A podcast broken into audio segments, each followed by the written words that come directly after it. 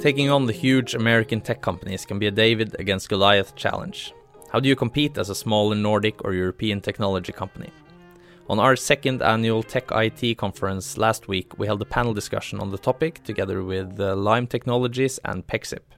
The Swedish cloud-based CRM provider Lime Technologies and their CEO Nils Olsson is a direct competitor to the US big tech CRM player Salesforce, while Norwegian Pexip and CFO Øystein Dahlhem offers video conferencing solutions in some sense similar to giants like Zoom and Microsoft Teams. How have they managed to compete with the big tech names for market share? Moderator for the panel discussion is our senior equity analyst Knut Hinkel. Enjoy. The first question goes to Nils. Um, let me ask you, how intense is actually the direct competition with uh, with Salesforce in your case, um, um, uh, with this with these US names? Do you see each other on a daily basis pitching for the same customers?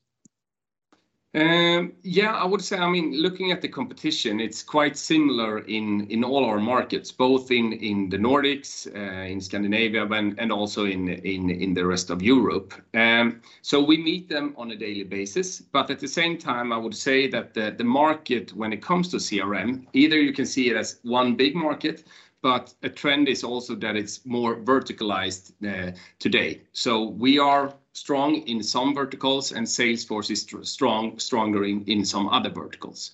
You can also look at the size of the companies, and uh, we are targeting the SME market with small, mid, and local enterprises. And the segment that we more or less leave to to Salesforce is the global enterprises.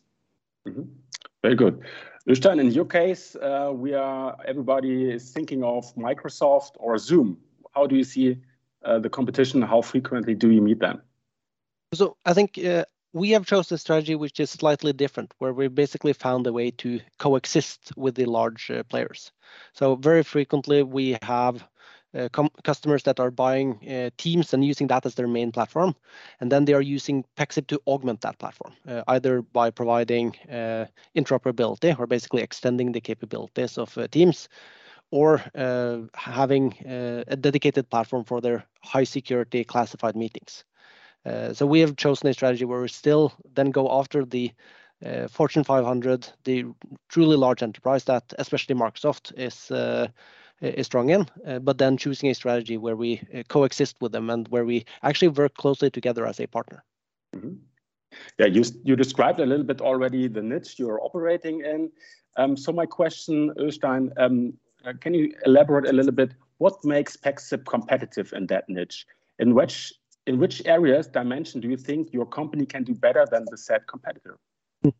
So what we in Pexip provide is a uh, very uh, it's a purpose-built video platform which is targeting the needs of the large enterprise. Uh, and so uh, when we win, it's because we are basically more interoperable than anyone else. So we can uh, connect more types of video equipment than uh, the Teams or Zoom or others.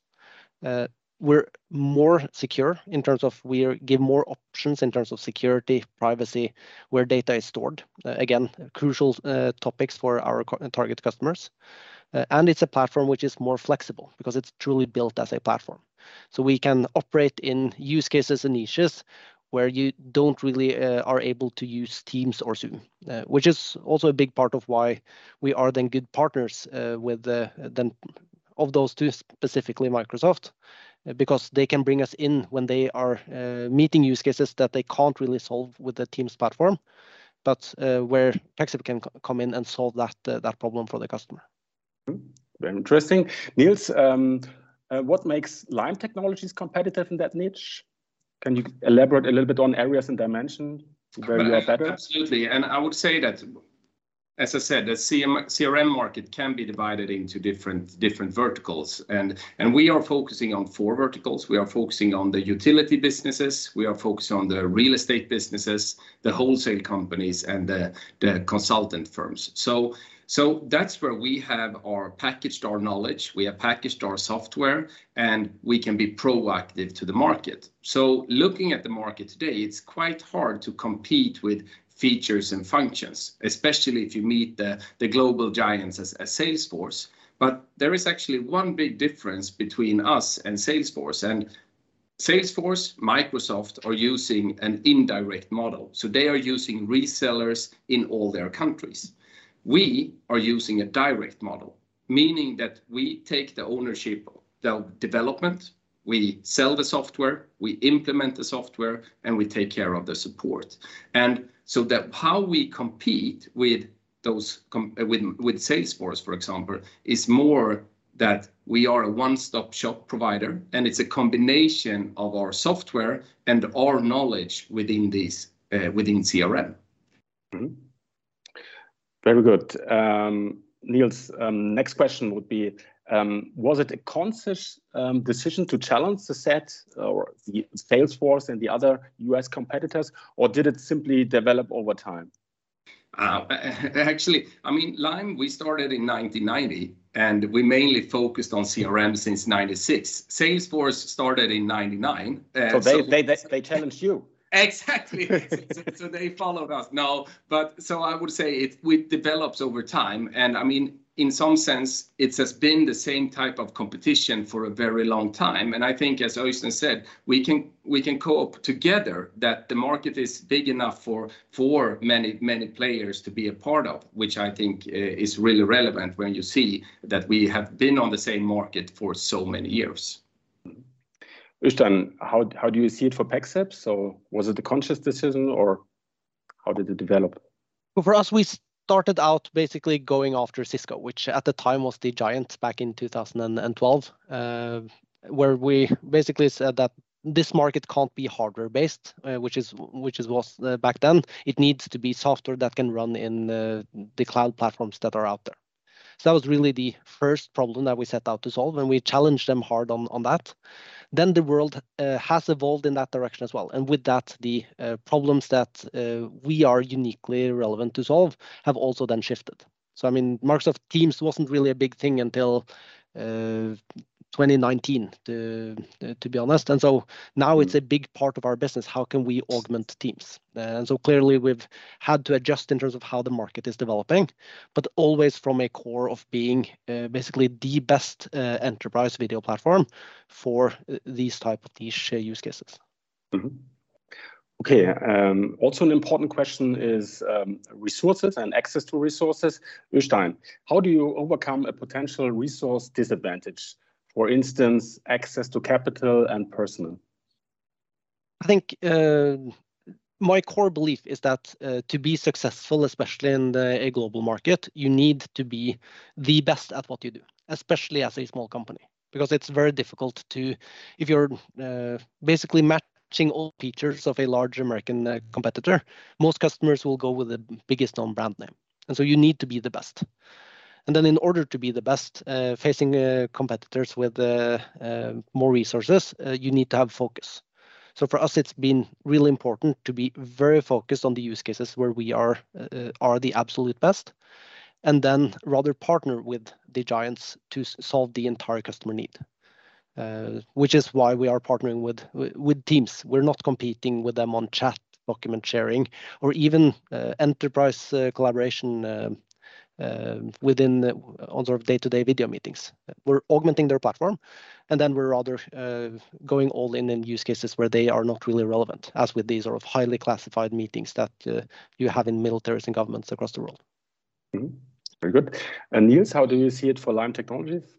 No, but I see it more or less in the same way as as Øystein described it. I mean, it's it's a lot about keeping a focus and and to make the right type of prioritizations that that okay, how can we become the market leader in in one area? And that, for me, is also to become the best. And that's why, for us, we have our verticals. So we can. That market is big enough to have a really strong growth, and we have shown that for many many years. So for us, it's a combination. Uh, we need to have the features and functions, but that's not how we can compete and win deals when we are when we are facing Salesforce, Microsoft, and so on. So we need to compete with our knowledge within our focus group uh, uh to be to win the deals.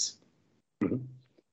Okay, turning now to customer, onto the customer side, do you have the impression that customers actively support suppliers besides the U.S. names to have alternatives in the future so that no, at the end of the of the day there's only one supplier left? That's something you see in the marketplace. Um, no, but but for us, if we look at the Scandinavian market, I, I wish that I could say that yes, that was the case, but unfortunately, I don't see that. Uh, which I think is a little bit sad because I think that we can be more supportive to each other. I see a little bit difference when it comes to the German market, that there is a, stronger uh, sense of urgency of actually buying German software, and that is a big part of the value when you evaluate different softwares, and that ranks quite high. If you actually are a German software with a German stamp, and then then that could be a, benefit for you in, a, sales process. But I don't really see that, unfortunately, in the Scandinavian market. Mm-hmm. how is it for Pexip? Do you see that? No, I don't really see that, to be honest. I think customers, uh, everyone would wish uh, for having multiple suppliers, but then at the end of the day, you take the best decision for your company. Uh, and so I think it's important that uh, we differentiate ourselves on both in terms of what we can do technology-wise, and then I think there are certainly customers that do prefer the status and opportunity it comes with being a customer of a smaller company because I think in terms of uh, willingness to uh, to adjust uh, in terms of the support experience that you get with, say, a Pexip compared to say a Cisco, it's worlds apart. Um, and that I think is something that customers do value. But it's not because they're taking their civic duty to provide alternatives to to the US giants. It's really because we can be either differentiated or just outcompete them on what is important to the customer. And maybe one thing to add as well is maybe when you see that, uh, which has been a topic, uh, maybe the last couple of, yeah, last year at least, when it comes to the the different where to store data. And I think that's a question where where maybe more local companies are looking into more local alternatives instead of having the data stored uh, in mm. in uh, US-based companies, more or less. So so I would say that's a benefit you you can have by being a local supplier. Mm-hmm. Okay. Um, Øystein, um, do you expect more consolidation going forward? Um, which role do you see for Pexip in case of such a potential development? I think in our industry, you see uh, both consolidation of uh, uh, of smaller players happening, while at the same time you see new giants entering as well. Uh, so Amazon is uh, making a play in uh, in video conferencing.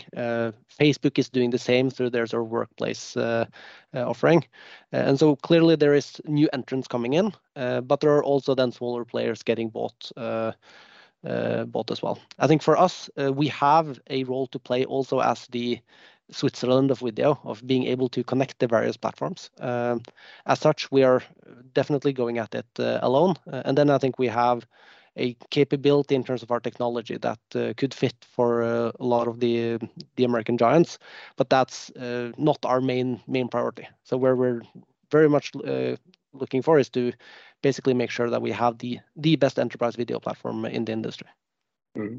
Nils, how do you see the market structure for Lime Technologies going forward? No, I don't, I don't really see the consolidation trend in the, in the CRM market. Uh, uh, the, market and the competition has been quite similar for, many years. Of course, we can see that some new players are coming in, and that's also an American player with HubSpot uh, entering the, CRM market. It was more on the marketing side before. Now you can see that they also enter the CRM, the CRM field. But what I see as a general trend in the CRM market is more that you try to broaden the scope of the platform. So you have a platform that can handle bigger part of the customer journey. And you can see that trend with Salesforce. We are doing it the same, that you add Marketing Cloud, you add a Service Cloud, and so on. So with with types of acquisitions or that you extend your development, uh, uh, your own development in the platform. So I would say the verticalization and the extension of the platforms, I, see as two big trends uh, right now. Mm-hmm. Okay. Now we are coming to the end of our panel discussion. Maybe one last question um, about the differences of the industry between Scandinavia and Germany. So um, Germany is the location of our conference. That's why I'm asking. It seems that in the Nordics there are more listed young and and strongly growing tech and software companies compared to Germany, which uh, where there are also some software companies, but which to seem to be more mature and and uh, a little bit different in the setup. What's the reason for that, in your view? Why is um, Scandinavia so much more prone for for these kind of companies? So I'm maybe starting to, with yeah, as you like. I, I'm happy to, to give it a go. Uh, I think part of it is, uh, which is certainly true for, for our story, is that we saw that uh, going public and raising capital in the public market uh, was an attractive avenue to us uh, sooner in our sort of lifespan. Um, then uh, I think in you will find a lot of exciting tech companies in Germany as well. but my expectation is that they're more privately owned. And so basically they're uh, owned by venture funds or uh, private equity players for a longer time. And then basically when you've done the growth journey, uh, you're then uh, moving on to the public market. Uh, whereas for Pexip, uh, we basically went public at the time where we were really accelerating our investments into further growth.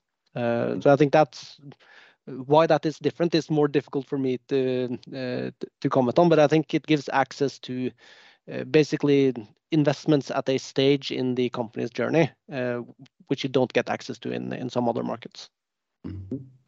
Yes.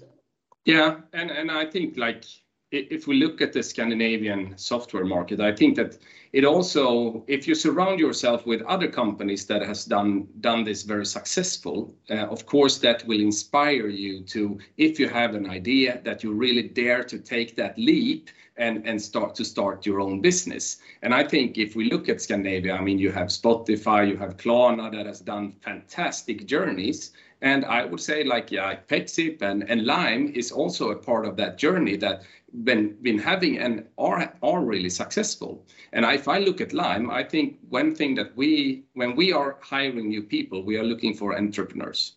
So from Lime and Lime employees, former Lime, it has created a couple of new software companies. And of course, they get inspired that, okay, we could do it with Lime, so how could we also uh, do it ourselves? So I think it's it's about like it's a good business climate, and if you surround yourself with with good and nice companies, that will inspire you to to continue to create new companies.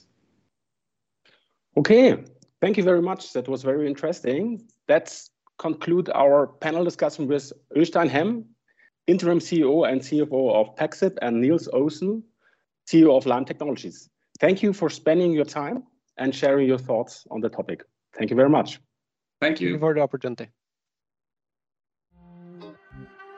The information in this podcast should not be seen as investment advice. Please keep in mind that investments in securities always carries a risk.